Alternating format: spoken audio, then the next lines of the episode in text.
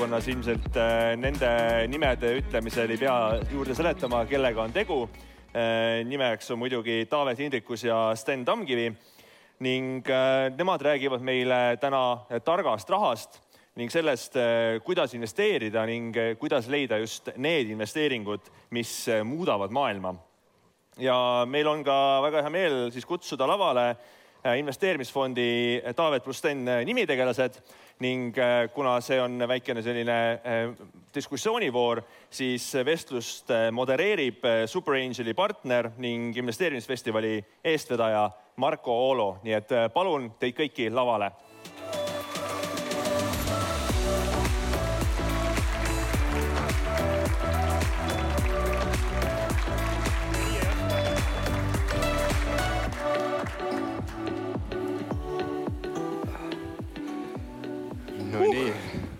kus ma istun, siiapoole, vaata, mis läks paigast.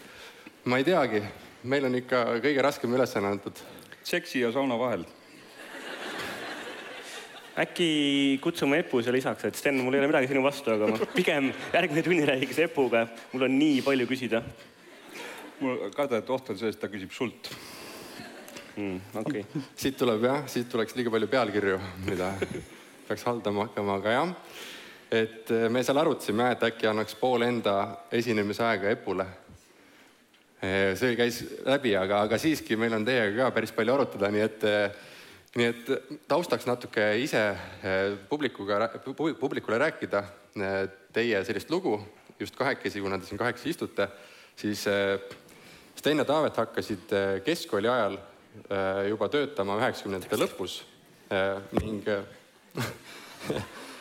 ning äh, kümme aastat hiljem mm, kohtusid nad uuesti Skype'is ning äh, peale Skype'i äh, ligikaudu dekaad või natuke vähem kui dekaad ehitas Taavet siis Transferwise'i, tänase nimega siis Wise'i, Sten ehitas Teleporti, tänase nimega Topia. ja nüüd üle selle ehitamise perioodi on nad nüüd taas jälle koos, investeerimas koos kollektiivina nimega Taavet ja Sten ning äh, samas loomas ka investeerimis äh, sellist fondi, platvormi nimega Plural. ja Plural ise on kahesaja viiekümne miljoni euro suurune fond, mille läbi siis investeeritakse parimatesse varajase faasi tehnoloogia ettevõtetesse ja asutajatesse. ja nende varasemad investeeringud hõlmavad erinevaid ükssarvikuid ja miljar, rohkem kui miljari, miljardi, miljardi dollari väärtusega ettevõtteid. paljusid te teate, Sego, Bolt, Pipedrive ja välismaalt ka nimesid Hopin, Uber ja nii edasi. ja äh, Plurali portfellis äh, on äh, juba ka NFT infrastruktuuri ettevõtte nimega NFT Port, energia salvestuse ettevõte Field ning Metaverse ettevõte Ready, Player Me ning paljusid-paljusid teisi. Ehm, nii et selline, selliselt nad on koos siis rändanud viimased mitu-mitu eh, dekaadi isegi ja, ja hea meel siis vestelda kõigest sellest ning natuke sellest, kuidas te mõtlete tuleviku osas. Eh, nii et, et nagu ma lugesin ette, siis üks läbiv teema on olnud siin või kaks läbivat teemat on ise ehitamine, ettevõtete ehitamine ise ettevõtetes opereerimine ehk et äh, juhtimine äh, pluss meeskondade loomine ning äh, viimaks ka investoriks olemine. et kas te saate natuke rääkida, kuidas te ise näete, kuidas on tulla siis ehitajast investoriks või mis dünaamika muutus seal toimub, kui sa ise ehitad ja pärast investeerid ja miks te nüüd olete siis pärast pikka aega ehitamist hakanud investeerima? ma arvan, et ise ehitades oleme, oleme õppinud seda, et milline on see investor, keda me tahaksime. ja see on nagu praegu me oleme nagu Plurali missiooni lahti mõtestanud, on hästi saanud selgeks, et tegelikult Plurali nime all me ehitame seda investorit, keda ma oleks tahtnud, kui me ehitasime enda ettevõtteid. siis, kui ma tõstsin Wise'i jaoks raha, noh siis me käisime iga aasta, käisime Silicon Valley's Sandy Hill Roadil, kohtusime seal investoritega, sest Euroopas ei olnud kedagi, kes oleks vähegi pädev, kes tahaks riski võtta, kes teaks, mida nad teevad ja leidsime, et tegelikult see investor, keda sa tahad, on see, kes on käinud läbi sama teekonna, mis sul on ees. keegi, kes on ehitanud ettevõtte, kes teab, mis see ettevõtte ehitamise teekond on, neid raskuseid, neid kõrgeid, neid haisid ja lõusid. et sellest on sul tükk maad rohkem kasu, kui sa oled varases staadiumis mm. -hmm. kui palju see tänane siis investeerimis sellise platvormi ehitamise, ehitamine on erinev siis ettevõtte ehitamisest nagu sellise kiiresti kasvava tehnoloogiaettevõtte ehitamisest? Ma arvan, ta on öö ja päev erinev, aga samas ta on ikkagi ettevõte ja sellega me saame natuke seda ehitamise kihku kratsida, nagu et tegelikult see, mismoodi mõtleme, kuidas ehitada plural, mismoodi ta võiks skaleeruda. täna meil on neli, me sügisel announce ime mõned uued inimesed, järgmine aasta on meid kümme investorit. Sealt kümnest läheme kahekümne peale, et tegelikult tahaks vaadata, kas me suudame venture capital'i skaleerida viisil, mida varem pole tehtud mingi hetk, kui meil, kui meil on viiskümmend investorit plurali mütsi all, see on niisugune armee, keda igaüks tahaks enda, enda poolele võitlema. ja selle ehitamine, seal on kindlasti on samasuguseid elemente nagu ettevõtte ehitamine, aga, aga teisipidi ma arvan nagu mingit pidi tempo ja nagu mõni pool on teine, et noh, kunagi meie tiimis ei ole sadu inimesi. Okei okay,, kurat, sadu võib-olla küll, aga, aga noh, selle võrra nagu ikka seal on suured erinevused, aga saame natuke ikkagi ehitamist eh, omal käel uuesti kogeda. seal minu arust väga palju inimesed katsuvad eh, maailma lihtsustada, et on nagu must ja valge või kaks äärmust, aga tegelikult ma arvan, et see investeerimine on selline gradient või, või üleminek halltoone et kui sul ühes otsas on börsiettevõte, et mingi ettevõte, mis on juba avalik, avaldab oma äh, aruandeid pidevalt, kus on numbrid teada, analüütikud jälgivad ja selles, meie tegutseme rohkem selles otsas, kus on esimesed päevad, ehk siis sul ei ole, sul ei ole mingeid numbreid, mida Exceli tabelisse veel panna, et siis ka nende erinevate otste jaoks on vaja erinevaid investoreid, et börsiinvestorid tegutsevad äh, palju rohkem kvantifitseeritava andmetega, võrdlevad ettevõtteid omavahel nii edasi, aga selles varajases faasis Äh, sul ei ole Exceli tabelit, sul on need inimesed, kes istuvad üle laua ja räägivad sulle mingisugust unistust, äh, millise maailma muutva idee nad tahavad kümne aastaga ära teha. Ja vaat seda faasi hinnata või seal käsi külge panna või seal aidata on väga-väga raske, kui sa ei ole ise seal olnud nendes kingades. ja see on see, mida me usume, et mida me saame Euroopas juurde tuua ja miks me saame seda teha, on see, et tegelikult noh, Skype'i selline kaks tuhat viis, viisteist aastat, seitseteist aastat tagasi e-maili müümine oli niisugune üks suuri Euroopa ükssarviku tehinguid. pärast seda on olnud Wise'id ja, ja Spotify'd ja, ja veel suured Euroopa tehnoloogiafirmad, et meil täna on tekkinud see kontingent ettevõtjaid, kes on oma elus jõudnud äh, sellisesse faasi Äh, kus nad nagu tahaksid kogukonnale tagasi anda, nad tahaksid uusi asju aidata, nad tõenäoliselt ei lähe ühte ettevõttesse tööle enam, et neil on elus muid huvisid ka. ja, ja Plurali abil me katsumegi nagu luua neile sellise platvormi, kus nad saavad oma seda kihu seal varajases faasis natukene käsi külge panna, rakendada ja ühtlasi oma raha tööle panna ka. me siin kogu aeg puudutame nagu, kratsime seda meie vestluse pealkirja ka, milleks on tark raha ehk et äh, riskikapitali tihtipeale võrreldakse siis targa rahaga, et ähm, mis, kuidas teie seletaksite, mis see tark raha on või mis teeb tavalisest rahast siis targa raha? selle kohta või jälle selle metafoori võib-olla tööle võtmise juures, et see kunagi oli, oli niisuguse ettevõtte nagu, nagu Asana asutaja Dustin Moskovitš, kes oli ühtlasi ka Facebooki üks kaasasutaja ja sel hetkel, kui ta asutas Asana, sel hetkel oli ta juba miljardär. Ja siis ta käest küsiti, aga kui sa oled miljardär, et miks sa ettevõttesse kaasasid teisi investoreid? ja tema vastus oli, et kas te olete kunagi proovinud Mark Andreessenit endale tööle palgata?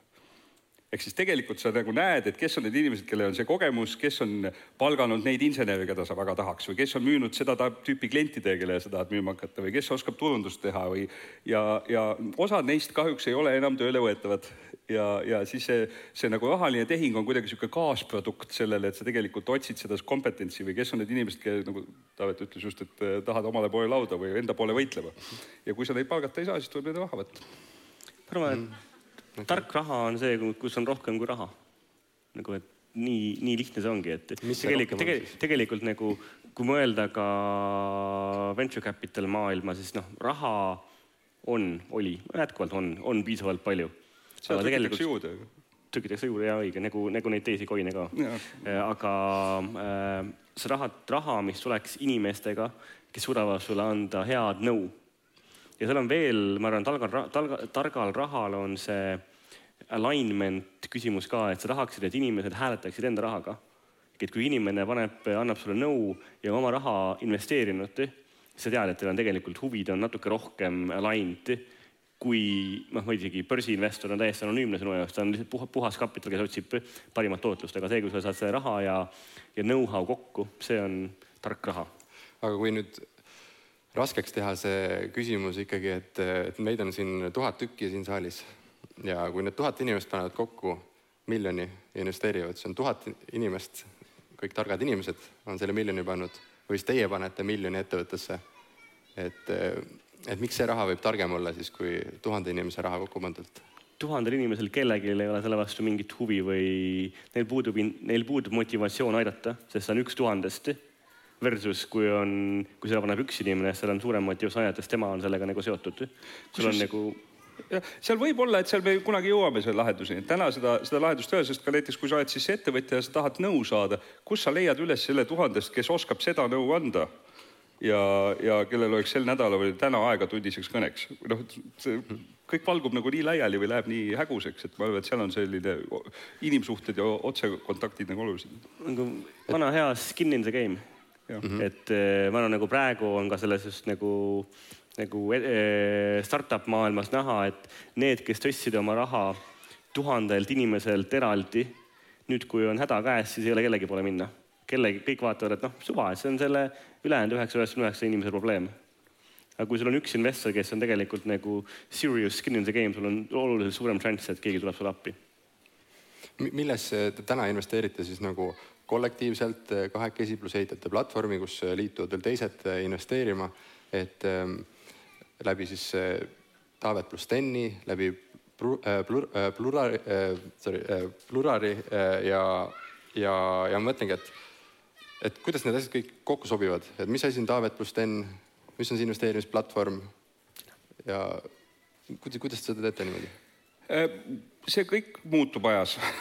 Eks ma ütleks, meil on, meil on nagu kolm järku portfelle juba tänaseks, et üks on see, et mis me Taavetiga tegime mõlemad oma ingeliinvesteeringuid. Äh, eelmisel aastal, kui me asju hakkasime kokku panema, siis neid oli Taavetil kuskil sada viiskümmend ettevõtet, mul viiskümmend ettevõtet, ehk siis noh, umbes kakssada ettevõtet, millega me oleme kuidagi seotud, mis on pigem sellised väiksemad äh, panused paljudesse ettevõtetesse, kontakt on nagu väiksem siis me eelmisel aastal mõtlesime, et fookus, et hakkame koos tegema, Taavet pluss Sten teeb ka investeeringuid koos ja me põhiliselt jällegi tegutseme tehnoloogias, aga siis meil on ka mõned sellised äh, linnaruumi muutvad kinnisvarahuvid ja, ja krüptoportfell ja mingisugused sellised erinevad äh, lõigud sellest. mõtlesime, nüüd hakkame fokusseeruma ja siis tegime viiskümmend uus, uut ettevõtet eelmise aasta jooksul.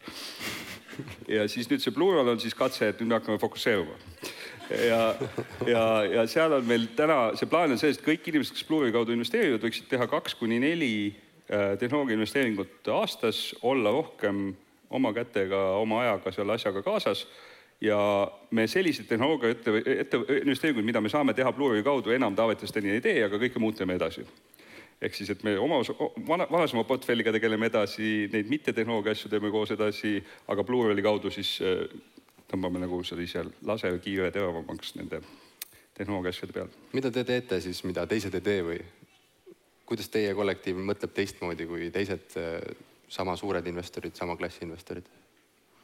ma arvan, see küsimus on pigem siis see, et mida me usume ja kui pikk on meie investeerimishorisonti. et kui mõelda, et nagu pluraal, varase staadiumi tehnoloogia investeeringud see on venture capital fond, aga pikem kui tavaliselt. ja noh, kui me võtame, võtame Wise'i näite, et esimese raha tõstis Wise kaks tuhat üksteist ja praegu on kaks tuhat kakskümmend kaks, et on läinud mööda üksteist aastat. noh, okei okay,, IPO oli eelmine aasta, et noh, kümne aastaga läks see nagu ettevõte jõudis sinna, et ta on likviidne et noh, see on see nagu ajahorisont, mis selles maailmas kehtib. aga Taavet pluss Steni alt, seal me saame teha oluliselt nagu isegi võib-olla veel pikemalt, et me võtame võtame mingid kinnisvaraprojektid, kus me vaatame nagu, et see muudab linnaruumi ja see on kümne või kahekümne aastal, aasta ajahorisont. mõned tehnoloogia investeeringud on ka niisugused, et kus me arvame, et sealt tegelikult see toode jõuab turule kümne aasta pärast, et mm -hmm. aga me nagu, see on see, mis äh, meie portfelli väga hästi sobib, meil ei ole sealt vaja varem likviidsust. sa saadki niimoodi ehitada aasta-aasta haaval, teed nii-öelda uusi vintage eid, kus sa teed hästi pika aja, ajahorisondiga investeeringuid ja siis kümne-viieteist aasta pärast hakkavad tagasi tulema. see on hästi-hästi oluline vahe, Taavet pluss Tõnis on ainult meie oma raha. ja Pluralis me kaasame ka väliste investorite kapitali, selle, sest kui me tahame kogu Euroopas sellist skp tasemel mõju omada, siis, siis on vaja, et see kapitalibaas oleks suurem aga see annab ka vabaduse, et noh, et kui sa valisid investorite käest kaasa raha, siis nad tahavad lepingu järgi kümme või kaksteist või neliteist aastat hiljem selle tagasi ka saada loodetud tootlusega, aga oma rahaga sa võid võtta ka kolmekümne aastase vaate, et kui ka tehnoloogiafirmades, et noh, et üks asi, et kui sa teed mingisugust internetiteenust, mis kõigile on mõistetav, siis sa võiks eeldada, et see kahe või kolme või viie aasta pärast sul on pilt selge, mis juhtub. kui sa teed fusion energeetika või meil on üks ettevõte, kes programmeerib äh, Äh, maksade geene ümber, et nad rasva ei läheks. noh, see kolme aasta pärast ei tea mitte midagi veel, kas see õnnestub või mitte, et see, see, see, see tsükkel, mida olulisemaid probleeme tehnoloogiaga lahendatakse, seda tõenäoliselt on, see vajab ka palju ka, pikemat aega ja kannatust ja seda on väga raske teha näiteks sellise avaliku börsirahaga. lihtsalt käis läbi see horisont, just ajahorisont, et te suudate noh, Taavet pluss Steni alt siis teha pikemaid investeeringuid, hoida neid kauem, ei, ei, ei pea väljuma äh, Äh, suurema fondi alt peate võib-olla pakkumas investoritele mingit hetke tootlust tagasi, aga mis veel on nagu, mis need paar asja on, mis siis, äh, miks just asutajad peaks teie raha võtma? noh, et kindlasti on teisi investoreid ka, kes äh, investeerivad pika aja jooksul või ei suru nagu seda investeeringut kümne aasta pärast välja, aga mis, mis need paar asja veel, mis te toote? kõrvan tagasi sinna, et meil on hands-on ettevõtete ehitamiskogemus. Et kui me räägime, eriti kui me räägime plurali asju, kus me oleme nagu noh, see ongi disain niisugune disain nii, et me saaksime kulutada palju aega. aga teises kohas on, eks meil on nagu loomulikult, meil on võrgustik üle maailma, noh, kõik asjad, mis on kõi-, mis on, ma arvan, kõigil, kõigil investoril tegelikult.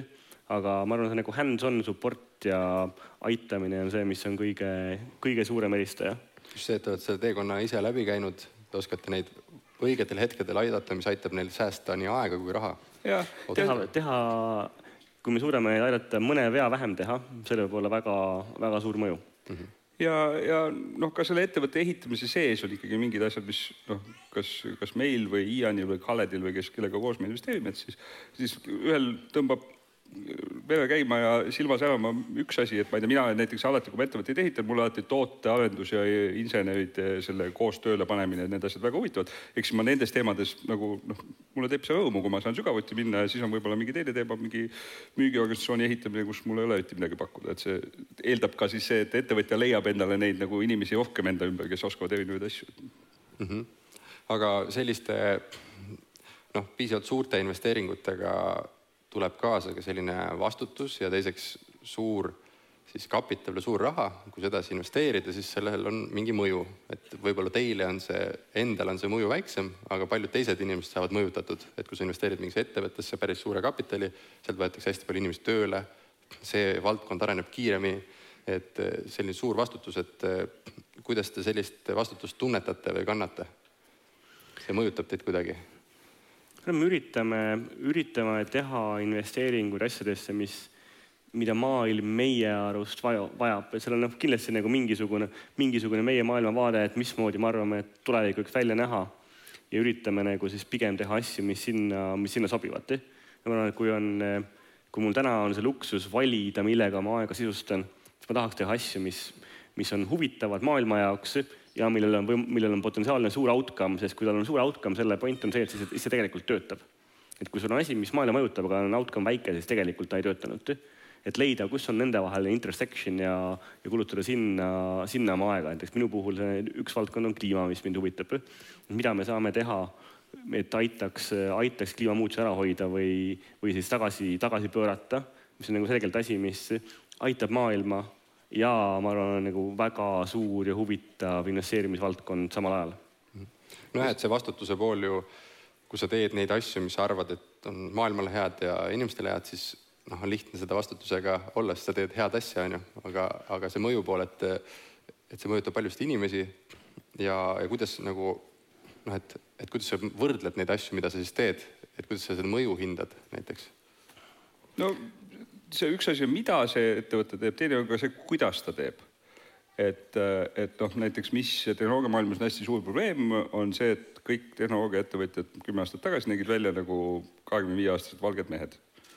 Ja tegelikult, kui sa vaatad inimühiskonda ja neid probleeme, mis inimestel on, et siis see pilt on palju laiem ja kirevam, et, et kes võiksid lahendada erinevaid probleeme, mida nad väga hästi tunnevad ja, ja noh, näiteks Plurali puhul me oleme vaadanud, et meil on esimestest investeeringutest, mis me oleme teinud, kakskümmend üheksa protsenti asutajatest on naised ja kolmkümmend kuus protsenti on erinevatest taustadest, mis ei ole see, et tuli heast ülikoolist suures linnas, on ju. ja, ja et see, et sa katsud nagu teadlikult välja suruda ennast sellest, et sa teed nagu annad võimaluse ka teistsugustele inimestele kätt proovida või, või ära teha mingi asi, mis neile südamelähedane on. ja, ja seal on, kui välja suumida, siis on seal hästi huvitav asi, mida me näeme täna, on see, et, et kui on selline äh, Ameerika internet kus on suured tehnoloogiafirmad, Google, Microsoft, Apple äh,, Meta kontrollivad seda, mida sa internetist näed ja millal sa näed ja mis äppe sa kasutad. ja siis on Hiina internet, kus kommunistlik partei kontrollib see, mida sa teed. et Euroopas on nagu mingid väärtused veel, on see mingid andmekaitse või, või ma ei tea, Äh, töötajate lapsepuhkus või mingid humanitaarsed väärtused, mida need teised tehnoloogiat loovad maailmakohad otseselt ei pruugi nagu väärtustada, et ma ei tea, Hiina töökultuur on hoopis teistsugune see, mis Euroopas elades on. ja siis jällegi, et mingeid asju Euroopas ehitades me saame teha neid kuidagi niimoodi, et need ettevõtted, mis pärast annavad tuhandete inimeste tööd, et ka seal nagu hea olla. Aga teine asi on ka see, et ma arvan, et alati ei pea seda mõju otsima ka koos investeeringuga näiteks teiselt poolt eh, koos Martin Villeguga me tegime haridusfondi eh, Jõhvi koolis on veel suurem kamp, et need on asjad, kus nagu Jõhvi koolis on täna, eelmine aasta võtsime kakssada õpilast vastu, see aasta loodetavasti nelisada, varsti tuhat inimest aastas Eestis, et noh, ma arvan, et sellel on nagu mõju Eestile, sellel on ka mõju meie tehnoloogiasektorile. ja see on nagu puhtalt eraldi tehtud initsiatiiv mõju pärast. et ma arvan, alati neid ka kokku viia ei ole, ei ole võib-olla praktiline. aga kui nüüd paned kõrvale selle, mis enne, enne mainis, et, et mingi ettevõte proovib maksa sees midagi paremaks teha ja siis teisalt on IT-kool äh, Jõhvis ja igalühel on eri, täiesti erinev mõju, et kuidas see siis, äh, teil tuleb lauale igast asju, et, et kuidas te hindate lõpuks, et äh, mida ma nüüd teeks või et kas ma teen kõike, mis tundub huvitav või seal peab hakkama valima ja mille järgi te valite siis? Millegi, miks te ei ütlete mõnele ägedale asjale näiteks? lihtsalt ei ole aega, tegelikult jube nagu, jube lihtne on ennast tükkideks äh, nagu laiali joosta, et ei ole aega kuskile süveneda, et mul on see, et me tegime eelmine aasta viiskümmend investeeringut, noh, ma tõenäoliselt ei mäleta kahekümne nime, kui sa mult hakkad küsima praegu.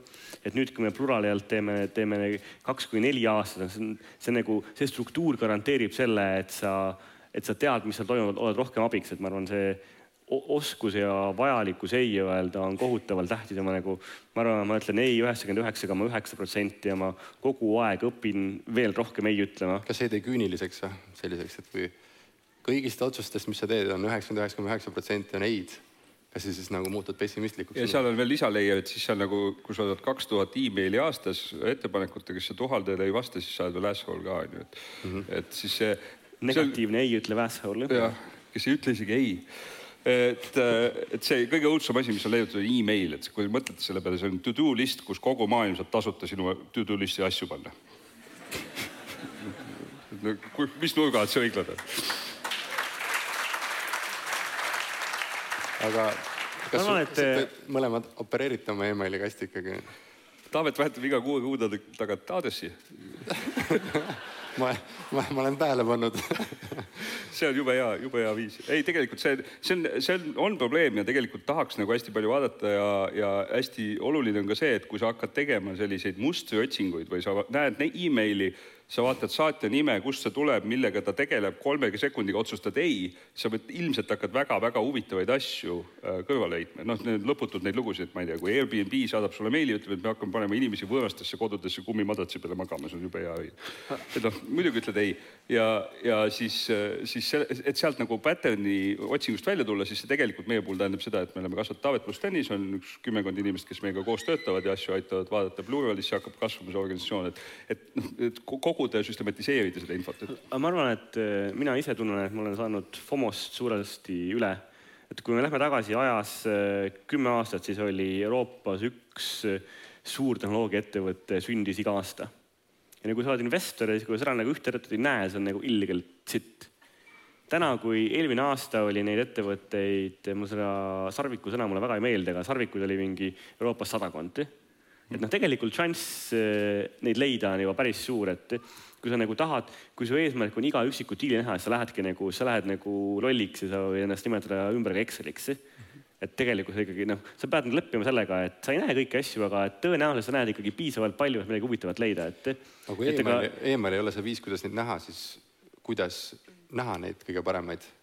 kui sa ise ei kammi nagu läbi. aga et... parim on ikkagi kahjuks, mis töötab, on soovitused et ikkagi need nagu founder'id küsivad teiste founder ite käest, kuhu peaks minema ja kui mulle portfelli ettevõtte founder ütleb, et kuule, et siin on see tüüp, et ma ei tea, ma tean teda juba kaks aastat, ta ehitab midagi, ma käisin temaga koos koolis, ta ehitab ettevõtet, noh, siis ma loomulikult räägin nendega.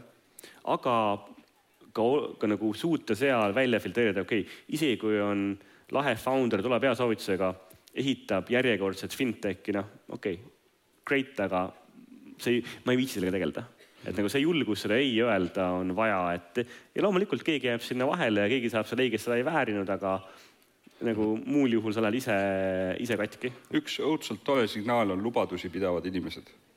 Äh, meil oli näiteks eelmine aasta oli üks investeering, oli äh, aastal kaks tuhat neliteist äh, tuli minuga kokku saama kellegi soovituse kaudu üks noor Bangladeshi ettevõtja.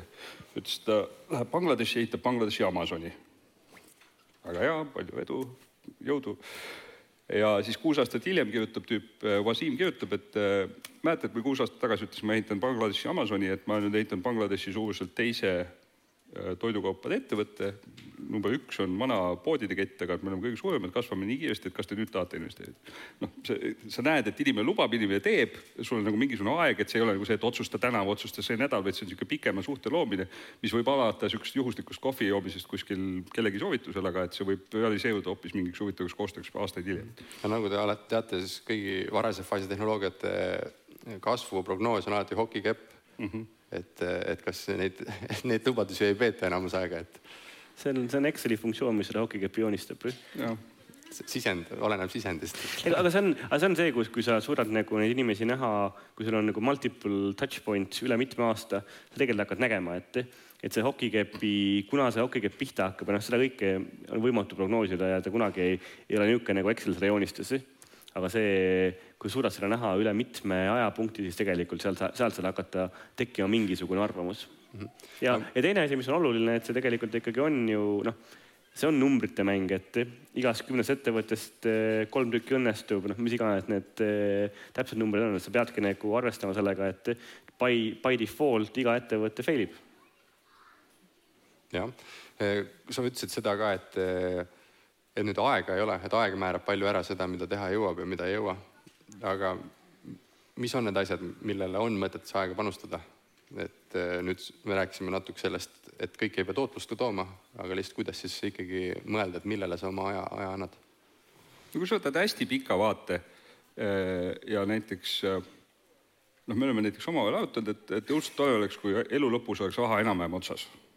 noh, saavutada selline olukord. kelle elu lõpus siis? Enda et eh, siis hakkad, hakkad optimeerima seda, no et, et, et lastele on tore midagi ette, aga see, ühesõnaga see, mida me täna ehitame, ma ei tea, riskikapitali platvormi, me ei saa nagu eeldada, et meie lapsed tahavad sellega tegeleda. kui nad tahavad, on väga tore, siis nad loodetavasti see teekonna käigus kuidagi liituvad, hakkavad osalema, aga me ei saa nagu selle, me ei saa ehitada seda selleks, et anname üle ja siis lähme, onju aga selle, selle valemi väljaarvutamise on jube keeruline see, et eh, sa esiteks ei tea, millal sa sured, onju siis sa ei tea, mis su vahepealne tootlus on, et noh, matemaatiliselt on seda üsna raske modelleerida, aga lühidalt või lühike loogika võiks olla see, et elu esimeses faasis ja kui sul on aega ja energiat ja jaksu ja huvi olla toota kapitali, siis on mõtet seda toota kapitali ja siis elu teises pooles võib-olla on lihtsam seda ära anda inimestele, kes siis saavad sellega midagi ehitada, onju ja, ja selle ülemineku käigus siis noh, et on hästi huvitav on sellises mudelis vaadata, et kui sa suudad teha ühe protsendi või kaks protsendi alguses selles elu esimeses pooles eh, tootlust rohkem aastas, kui palju rohkem on sul näiteks kahekümne aasta pärast, et seda ära anda.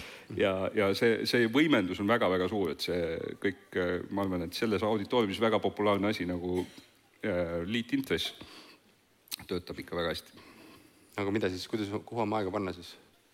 Elu lõpuks peab otsa saama. praegu, praegu meile, praegu meile tundub, et ettevõtteid ehitada on, on, on see, kuhu meie põhiaeg läheb, et me mõlemad kulutame mingisuguse pool päeva, päeva nädalas võib-olla rohkem selliste heategevus ja, ja missiooni asjade peale, aga aga praegu hetkel enamik neid asju, kui me aega paneme, on ikkagi üritada teha äri, mis kasvab väga suureks.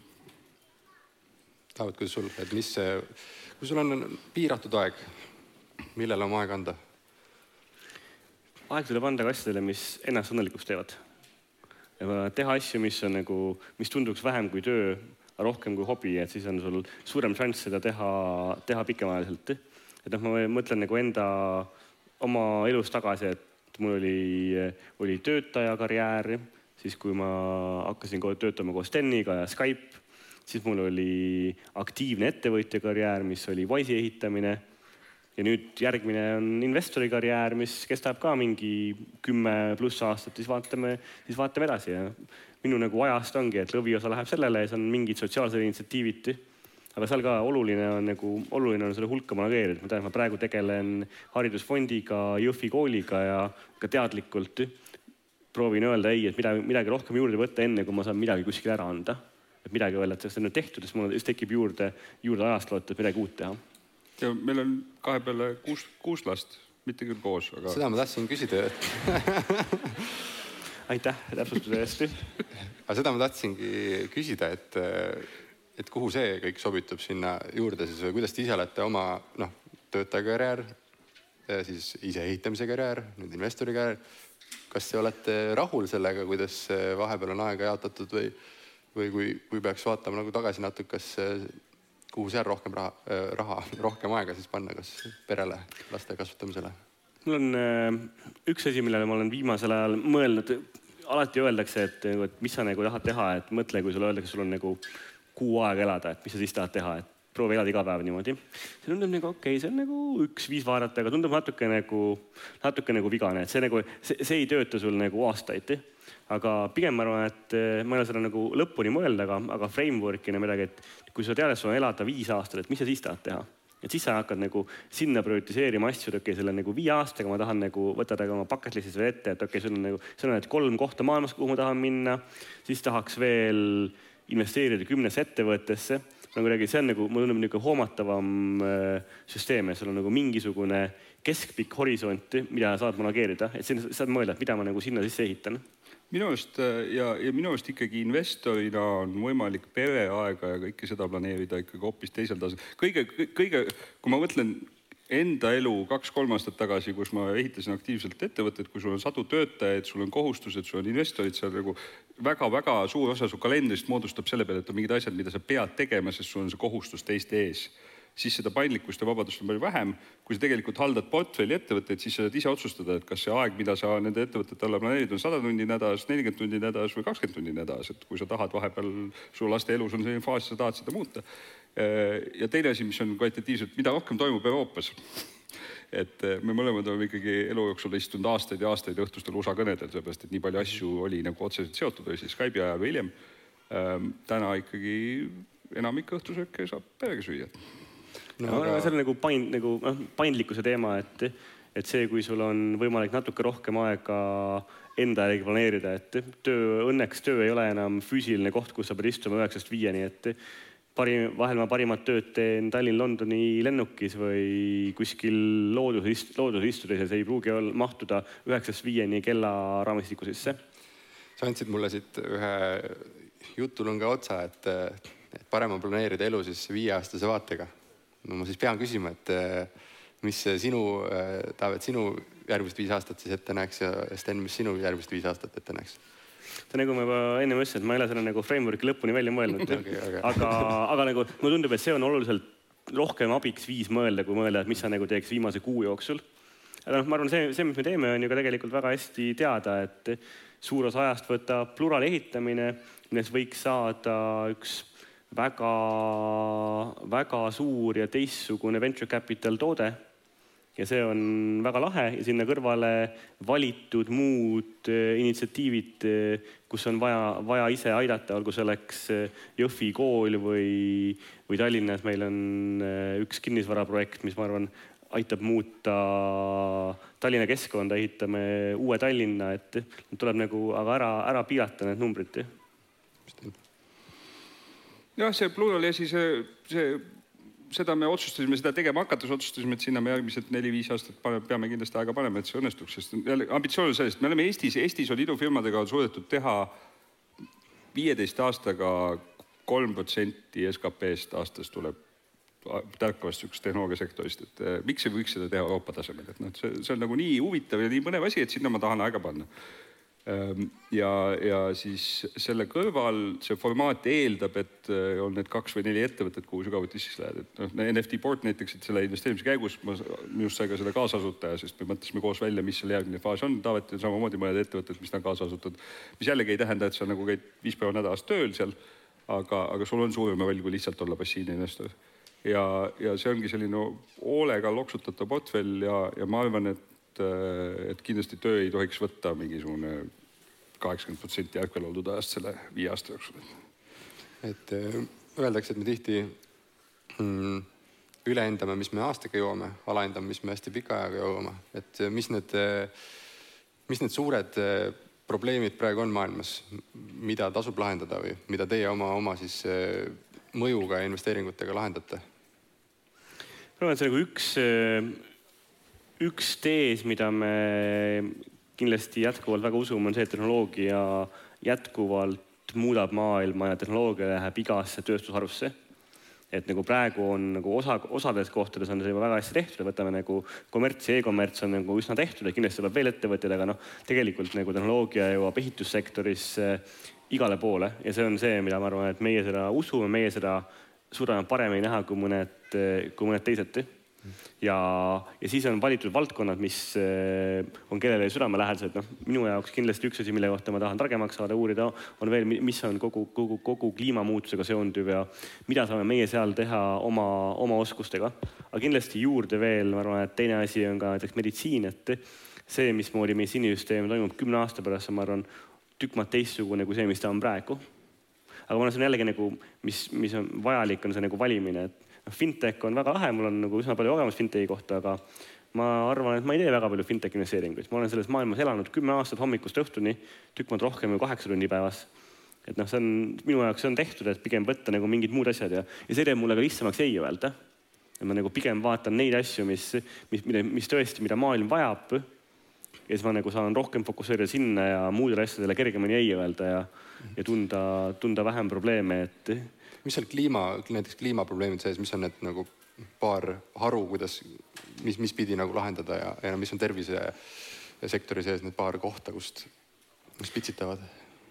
ma arvan, et kliima, kliimaneutraalsuse saavutamiseks peavad muutuma kõik tööstusharud. see on nii kohutavalt suur valdkond, alates toidust meil on, me ei saa nii palju liha kasvatada, meil on vaja leida alternatiive lihale, meil on vaja samuti kunstliha hakata tootma. ja siis eh, teiselt poolt välja juures sinna, et, et kõigi nende muutustega me ei saavuta ikkagi kõike, meil on vaja ka midagi siis, mis on kategoorias direct air capture, kuidas me saame nagu eh, reverse ida neid muutuseid ma arvan, seal on nagu nii palju huvitavaid asju, et ma alles, alles kogun, kogun tarkust selle kohta. meil on siin äh, elektriauto ka, et, et kuidas see elektriautondus nagu sinna pilti sobib?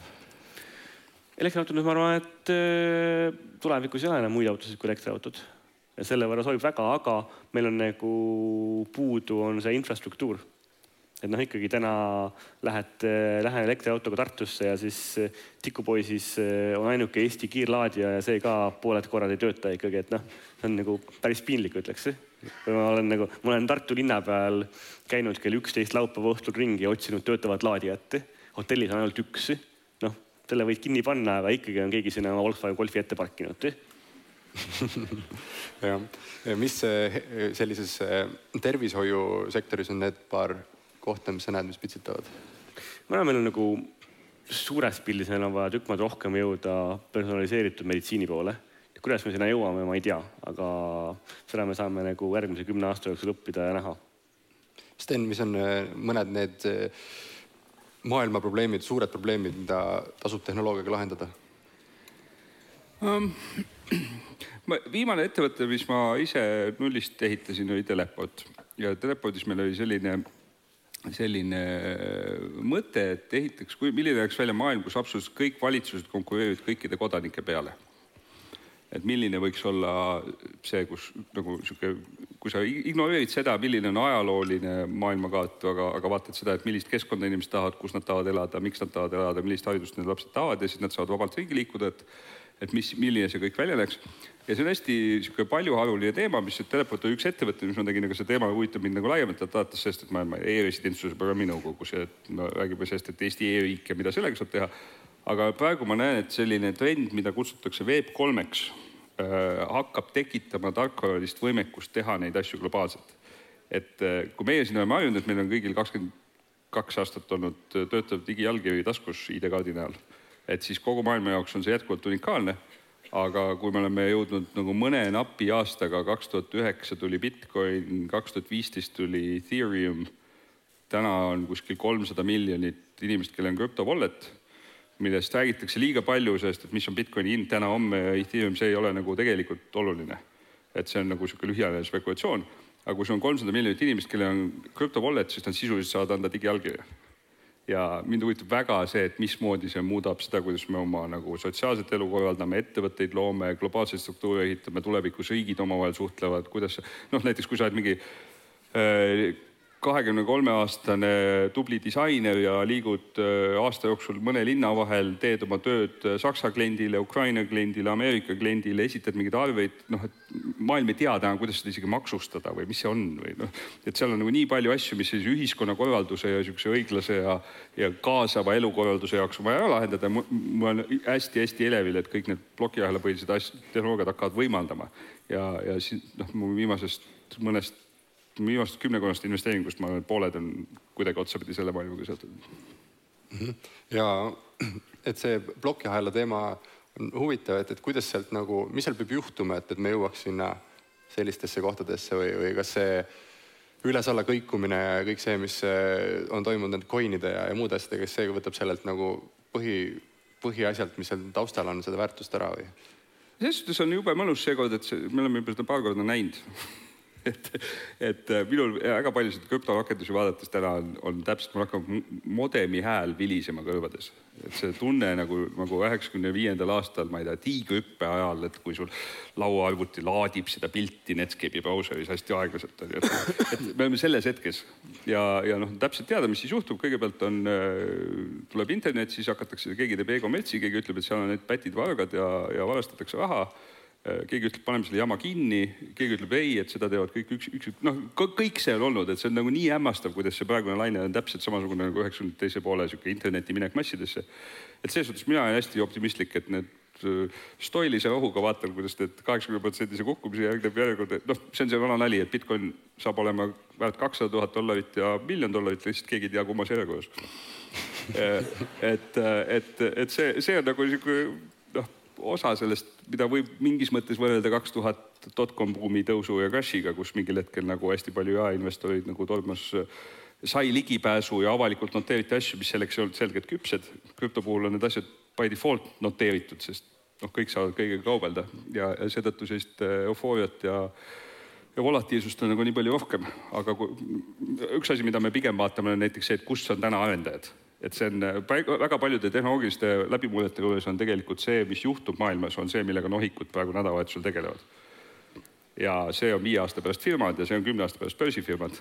ja näiteks me jälgime meetrikat, et millistes äh, plokiahela projektides lisandub kõige kiiremini tarkvaraarendajaid ja kuna see on kõik avalik ja avatud tarkvara ja nii edasi, et siis me saame seda reaalselt, kes iganes võib maailmas seda jälgida.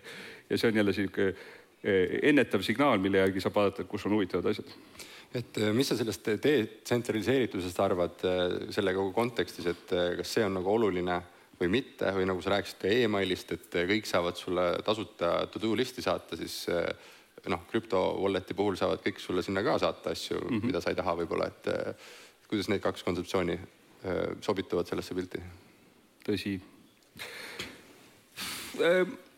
detsentraliseeritus pikas perspektiivis on ülioluline sest see noh, see ongi nagu see vundamendi see ehitusplokk, et, et kas sa pead kedagi teist usaldama oma raha või kassipiltide või millegi hoidmiseks või sa saad ise otsustada, mida ja millal sa teed ja kas sa teed ja kas sa annad kellelegi aadressi, nii et ta saaks sulle saata mingit soti sinna, onju. ja kui vaadata näiteks viimase mingi nelja või kaheksa nädala jooksul toimunud crash'e, mis on erinevad ettevõtted, kas on hädas või, või katki läinud, et mingid Celsius ja Terra ja siis ma ütleks, et kõikide nende ühendav lüli on see, et nad olid mingil määral läbipaistmatud ja mingil määral tsentraliseeritud, kuigi nad üritasid väita, et nad on osa detsentraliseeritud maailmast. ehk siis just niisugune nagu läbipaistmatus minu arust ja, ja, ja see, see, et mingid asjad on kuskil niisuguse natuke nagu kardina taga peidus, et pigem suurendab riske ja võetakse liiga palju võimendust ja mängitakse kasutaja rahaga ja noh, igasugused asjad, mis, mis nüüd täna me näeme neid probleeme, on ju. Ja, ja pigem ma arvan, et see detsentraliseeritud vaade tuleb sellest nagu tugevamalt välja. Seda asjade saatmist meta või noh, wallet'ile, seda sa ei karda siis, et, et sa sead midagi üles endal, paned varad sinna järsku häkkerid saadavad sulle tuhandeid asju sinna peale ja siis pead äh, nagu emaili vahetama hästi tihti, et jah, no see on sama, samas mõttes, kui kellelgi on Windowsiga arvuti olnud, et mis sodi sinna koguneb kümne aastaga, et, et see ei ole jälle mingi uus fenomen kui, kui teemaks on siin ka, ka mingis mõttes jõukus ja, ja muidugi au on teiega rääkida, et, et siis me räägime nüüd noh, räägime päris kaugetest asjadest ja, ja mõjust ja kõigest muust, aga, aga selline jõukus loomel, et, et kuidas jõukust üldse luua või mis seal on nagu kõige kõige olulisemad asjad, mis teha või, või kuidas seda jõukust kõige paremini luua. et investeerimises on tihtipeale meil käib kogunas läbi, et kas, kas ma hakkangi investeerida, investeerima, saan sellega jõukaks või, või peaks ehitama või, või töötama või? Et kus see, kus see jõukus koguneb? ma arvan, et tegelikult sina ise oled väga lahe ja inspireeriv näide selle kohta, kuidas distsipliini abil jõukus kasvatada. Ja ma arvan, see on nagu asi, millest palju saab õppida, aga ma arvan, nii suurt distsipliini on, on vähestel. Aga ma arvan, et eh, nagu see obvious vastus meie poolt on ettevõtlus et ise ettevõtte ehitamine, aga, aga samas me teame, kui raske see on kindlasti pole kõigile. ma arvan, siia juurde nagu, mis on võib-olla kasulik meile mõelda, on tehnoloogiasektor ja aktsiaoptsioonid on tegelikult üks väga lahe asi. minu esimene jõukus, minu esimesed miljonid tulid Skype'i töötajate aktsiaoptsioonidest ja selle, sellega ma sain järgmised kümme aastat teha kõike, mis ma ise tahtsin. tänu sellele ma arvan, et sain ma ka alustada Wise'i natukene rohkem oma, oma, oma tingimustel. aga et siis nagu, nagu praktiline, praktiline vihje on see, et kui on tehnoloogiaettevõte, kuhu saab minna varases staadiumis tööle, siis seda, ma arvan, see on üks, üks jätkuvalt underrated viis jõukuse kasvatamiseks et kui on vähegi ettevõte, mis on rokett, siis, siis tasub sellega, tasub sellega liituda. ja ma arvan, teine asi, riskantsem on, et kui mõelda nagu startup'i investeeringute peale. et kui sa lähed sinna kuskile tööle varases staadiumis, siis sa hakkad nägema rohkem, mis seal maailmas toimub. ja siis sa võid hakata ka proovid ise hakata leidma paremaid ettevõtjaid ja investeerid sinna tuhat või viis või kümme tuhat eurot. alati tehakse sulle ruumi, kui sul on mingisugune value add, sa tahad, ütled, kuulge, mul on viis tuhat eurot investeerida. aga ma arvan, et selle tegemiseks on, pigem sa pead need ettevõtted ise leidma ja ise kulutama aega ja energiat. ja ma natuke olen skeptilisem selle osas, mida pakutakse avalikult ja erinevate platvormide ja muuga aga kui sa mõtled ise, okei okay,, ma ei tea, näiteks oled turundaja, oled tööl mingis startup'is, noh. kui sa hakkad siis nagu süstemaatiliselt kulutama aega, et aidata teisi startup'e, no sul nagu tekib oma nagu network, tekivad seal oma opportunity'd. ja ma arvan, see on natuke nagu seotud sellesama targa rahaga, et sul on nagu tuhat eurot investeerida, aga sa paned sinna juurde oma know-how keegi alustab järgmine ettevõte, okei okay,, ma investeerin tuhat eurot ja ma aitan sul turunduse käima saada aga see juhtub ainult siis, kui sa nagu kulutad ka aega ja nagu tõeliselt ikkagi pingutad on sul lisa, lisada siia mingi nüanss? see on jälle üks näide sellisest nagu skaalast või halltoonidest, et väga paljude eh, sellest mõnda startup'i tööle löönud inimesest saab investor kuidagi niimoodi märkamatult, sest ongi, et on palju niisuguseid vestlusi ja see, see kogukond on hästi-hästi Eestis ka väga kokkuhoidev, et Eestis on mingi tuhat kolmsada idufirmat umbes ehk aktiivset tiimi, kes ehitavad ja nende asutajad suhtlevad hästi aktiivselt, nad küsivad üksteiselt nõu ja abi ja, ja soovitusi ja annavad üksteisele ja, ja kes sinna sisse saab, et siis nagu sul järgmise kümne aasta jooksul märkamatult oled sa investor kümnes kohas niimoodi, et noh, et see ei olegi väga palju kapitali pandud, aga see on pigem suhted ja aeg ja mis sul on läinud sinna. ja siis on nagu see otsuse koht, et kas sa tahad seda veel suuremalt teha või see ongi sihuke selline hobi moodi asi. aga üks asi, mis ma lisaks siia on see, et et äh, hästi huvitav on mõelda, noh, et kui niisugune tüüpiline börsiinvestor või ütleme, need, need, äh, need kasutusjuhtumid, et kas sa kogud raha pensioniks või sul on tekkinud vaba kapital ja sa tahad sellega võtta maksimaalset riski ja me oleme selgelt nagu ebanormaalsed selle koha pealt. et, et siis ma arvan, et kui sa tahad pensioniks raha koguda, siis see distsipliin ja sada eurot kuus keskmise hinnaga osta indeksfonde, et see võib anda sulle nagu väga-väga tugeva vundamendi. kui sul on kapital, mida paigutada, siis see vahe on selles, et see indeksfond börsil teeb sul kümme, kaksteist protsenti, neliteist protsenti üle pikema aja aastast tootlust.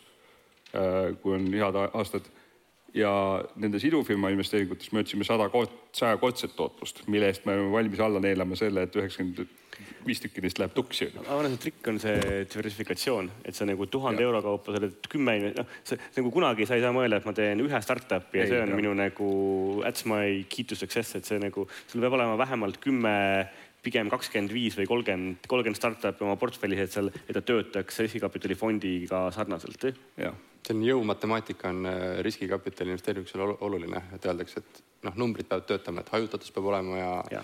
võimalus nagu võita peab olema. jah, ma arvan, et alla kahekümne, kolmekümne ettevõtte ei ole mõtet, kui sul, kui sul ei ole plaani sinna jõuda, siis on, võid selle raha niisama kohe heategevuseks anda. remargi korras on lihtsalt, juhtub tihti see, et sa hakkad aktiivselt investeerima ja teed esimesed kümme väga entusiastlikult ära ja siis tekib töökoormus sinna taha ja halduskoormus ja siis järgmised kümme on juba isu kaob ära vaikselt ja siis sa ei jõuagi kolmekümneni ja siis sa tegelikult oled investeerinud tükk maad raha, aga ei ole saanud hajutatust ja ei ole saanud seda. ja, aga see ongi tagasi sinna nagu distsipliini juurde, et siis ongi alternatiiviks on seesama indeksfond. Aga et, et mina ei ole kunagi ühtegi avalikku aktsiat ostnud ja börsitootlus on mul ka üsna kehv tänapäeval aga, aga samas nagu mitteavalikud on töötanud üsna hästi. jah, võib nii öelda küll, et eh, ma siis äh, viimane, kaks küsimust tegelikult veel ja, ja siis publikule saaks ka paar küsimust küsida. et lisaks sellele, et äh, mida teha või, või kuidas jõukus kasvab, siis teine küsimus, et äh, millised on kõige väärtuslikumad oskused või teadmised, mida omandada? et, et ol-, et siis ehi, olla võimeline ehitama näiteks või investeerima?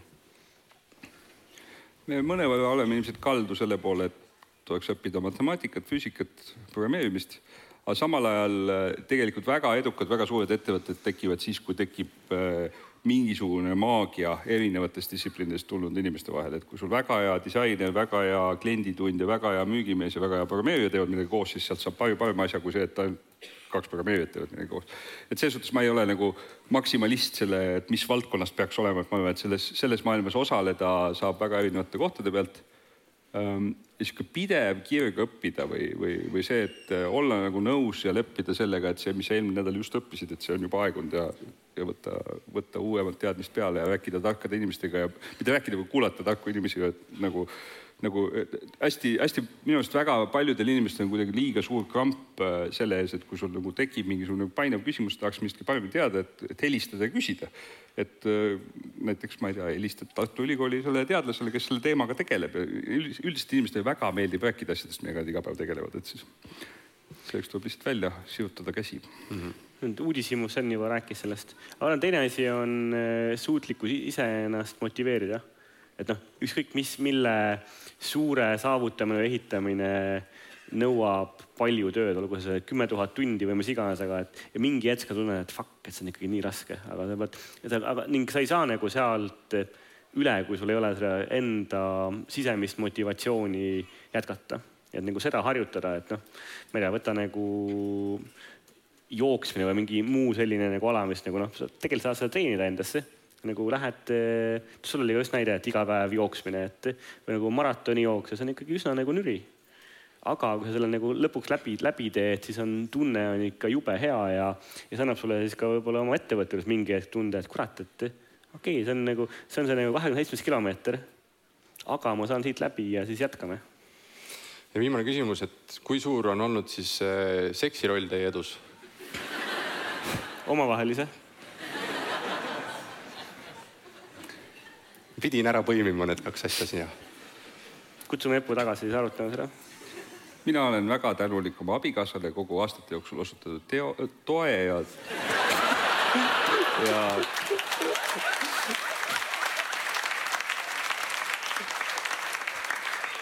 kodune tugi, kodune tugi on ülioluline, seepärast ettevõtjad ikkagi on lollakad noh, need asjad, need asjad, millega keskmine ettevõtja, on see siis see kahekümne seitsmes või kolmekümne seitsmes kilomeeter või, või, või on see nagu paremad päevad, et see amplituud on nagu nii suur ja kui hästi asjad võivad minna ja kui kiiresti nad võivad väga halvasti minna ja, ja, ja see, et see, et sul on kodus toetavad inimesed, kes elavad kaasa ja, ja aitavad kõike seda teha, see on väga oluline.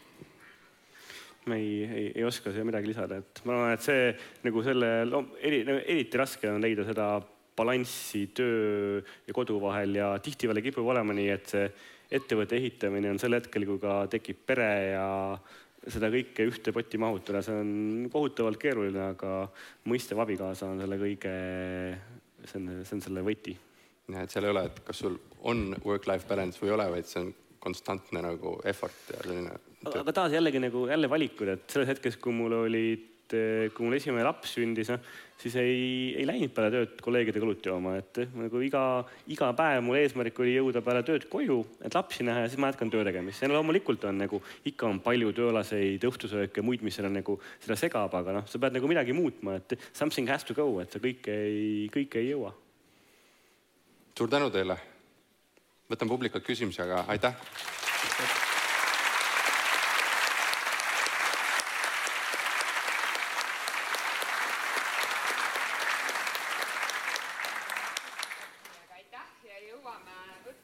Kindlasti kaks-kolm küsimust, jätame aega. Äh, võtame sealt siis esimese ja.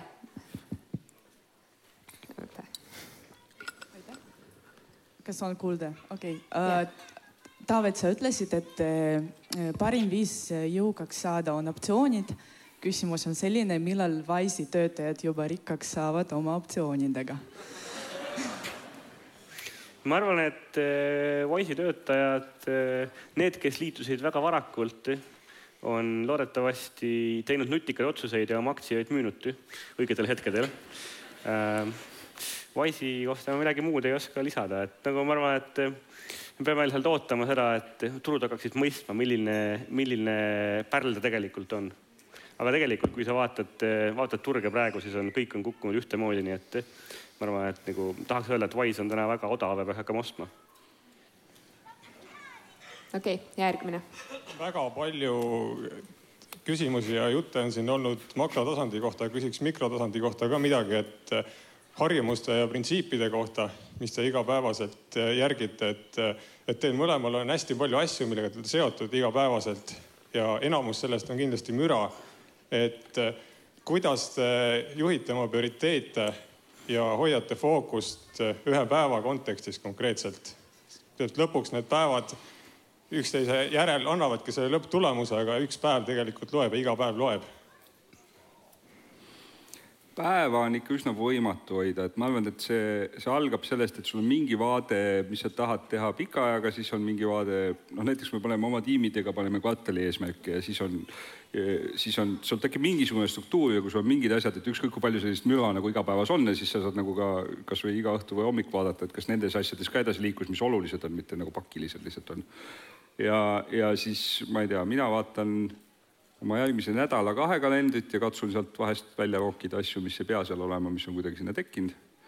ja, ja siis tegelikult väga palju päevi juba on üsna autopiloodil, et, et see, mis kalendris on, need asjad, mis kuskil chatis on, et siis need juhtuvad. ja ma, hästi oluline on, väga paljudel ettevõtjatel on ka väga raske see, et kuidas õppida delegeerima et, et eriti inimesed, kes tahavad nagu oma kätega midagi ehitada, hakkavad nullist peale ja siis sa nagu jäädki kõike tegema. et selline suutlikkus palgata, ära tabada, et mis hetkel on mõistlik palgata või appi kutsuda inimesed, kes on sinust targemad või oskavad mingit asja veel paremini, et ma ei tea, näiteks sama kalendri pidamine, et sellega ise tegeleda oleks lihtsalt veel sada emaili nädalas on ju.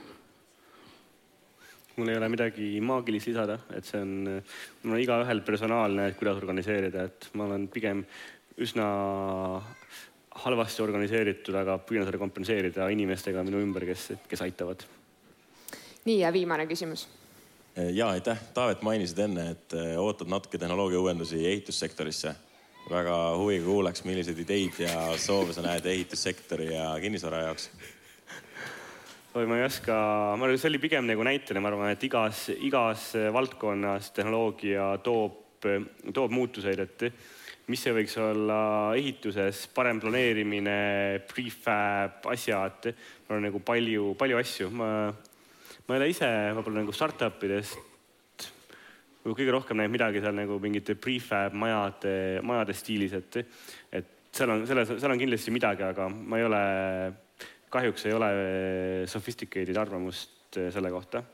Sten, on sul no, ehitusmõtteid? üks, üks asi, mida meile eile just räägiti, mis oli, tundus väga loogiline ja huvitav, on see, et nagu betoon ei saa maksta nii vähe, nagu ta täna maksab, vaadates, milline on selle keskkonna jalajälg ja sealt õhku paisatav CO2 ja, ja juhul, kui näiteks kujutad ette maailma, kus betoon on kas maksustades või lihtsalt muidu mingi kaks-kolm korda kallim, et mis hetkel on nagu eriti Eesti-suguses kohas peaks kõike puidust ehitama ja mida selleks vaja on, mis noh, kui, kui sa ei taha Tallinna kesklinna teha palksauladest, et siis noh, mis on see, mis on see tühimik, mis on selle maailma ja tänase vahel ja seal ilmselt on tehnoloogilisi võimalusi köiauguni. aitäh. ja üks veel, Marko ütles. nii. küsin. küsi ära äh,. ma vist juba ütlesin esimese sõna ära, aga. aa, okei okay,, nii, palun. ma olen, ma olen lahke inimene, sa võid küsida. esiteks aitäh äh, väga hea ettekande eest, paari väga hea tsitaadi eest, mis kirja läksid. Te rääkisite äh, väga palju sellest, et kuidas tehnoloogia aitab probleeme lahendada, tõite mitmeid näiteid aga võib-olla on mõned probleemid, mis tekivad tehnoloogia tõttu. vaimne tervis, psühholoogia, seda võib-olla on meile näitamas noorem põlvkond. aga kuna me oleme investeerimise festivalil, ma küsin hoopis niipidi, et milliseid investeerimise kasvuvõimalusi te selles küsimuses näete? Ma arvan, et eh, probleeme tekitab kindlasti palju, et kui me nagu ise, kui paljud meist ärkavad ja esimene asi hommikul on telefon, et ma arvan, see ei ole nagu, see ei ole väga normaalne. ise teen seda ka liiga, liiga tihti aga, ja sotsiaalmeedia ja kõik, kõik see, ma arvan, sellest need halvad mõjud on suured. aga investeerimise osas ma arvan, et mis on praegu väga kuum teema, on vaimne tervis ja mida saab teha näiteks digitaalsete vahenditega vaimse tervise jaoks.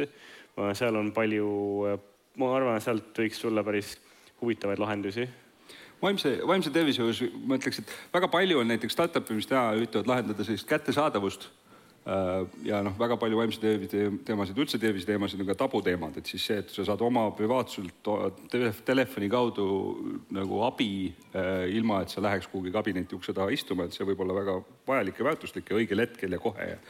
aga, aga teine asi, kuhu me oleme ka investeerinud, on äh, vaimse tervise probleemide kvantifitseerimine et ikkagi väga palju vaimse tervise maailmas täna on, on selles faasis, kus äh, psühholoog või psühhiaater subjektiivselt kirjutab, et mis ta arvab, et mis seis on. aga tegelikult, kui vaadata, et aju on elektriline organ ja, ja väga paljusid asju võiks saada mõõta, miimikat, igasuguseid asju, et siis ka näiteks, et äh, vaimse tervise abi saava inimese progressi ja ravimite mõju kokku viia kvantifitseeritavate andmetega, et mis tegelikult toimub füüsiliselt äh, või e-, e-, elektrolüütiliselt seal kehas on ju. et, et see, seal ma arvan väga-väga palju, noh, see on natuke nagu haridusega sarnane, et kus see nagu väga palju asju, mida me vaikimisi usume, et see on kunst, et tegelikult võiks olla teadus, et kõike peale teadus, aga, aga see piir ei ole kaugeltki käes. nii, aga suur-suur aitäh tõesti südamest, Sten, Taavet ja Marko